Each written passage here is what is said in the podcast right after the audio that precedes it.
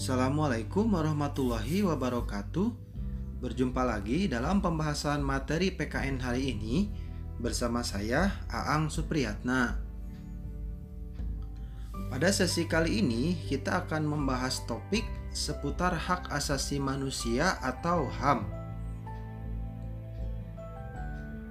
Sebelum membahas lebih jauh, alangkah baiknya kita simak terlebih dahulu apa itu pengertian HAM menurut para ahli.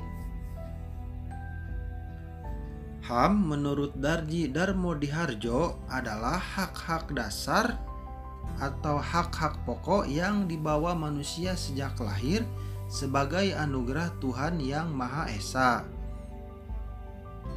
Hak-hak asasi ini menjadi dasar dari hak-hak dan kewajiban-kewajiban yang lain.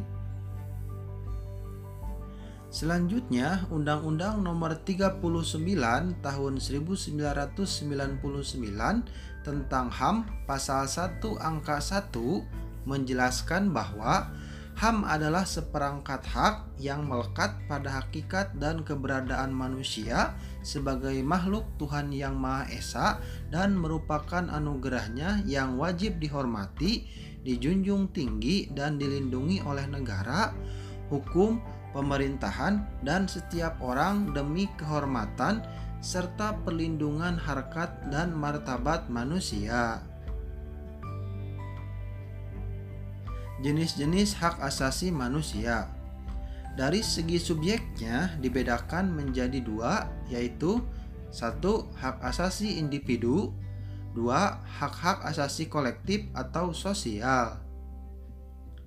Kemudian menurut jenisnya terdapat satu hak-hak asasi pribadi, kebebasan berpendapat atau memilih agama, dua hak-hak asasi ekonomi, seperti hak memiliki sesuatu, membeli, menjual, dan memanfaatkannya.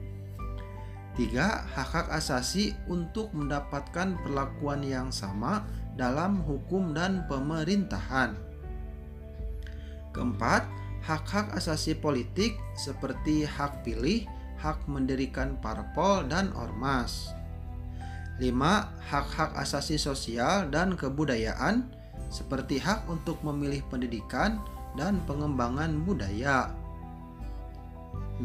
Hak-hak asasi untuk mendapatkan perlakuan tata cara peradilan dan perlindungan seperti saat terjadi penangkapan, penggeledahan, penahanan dan peradilan dan sebagainya.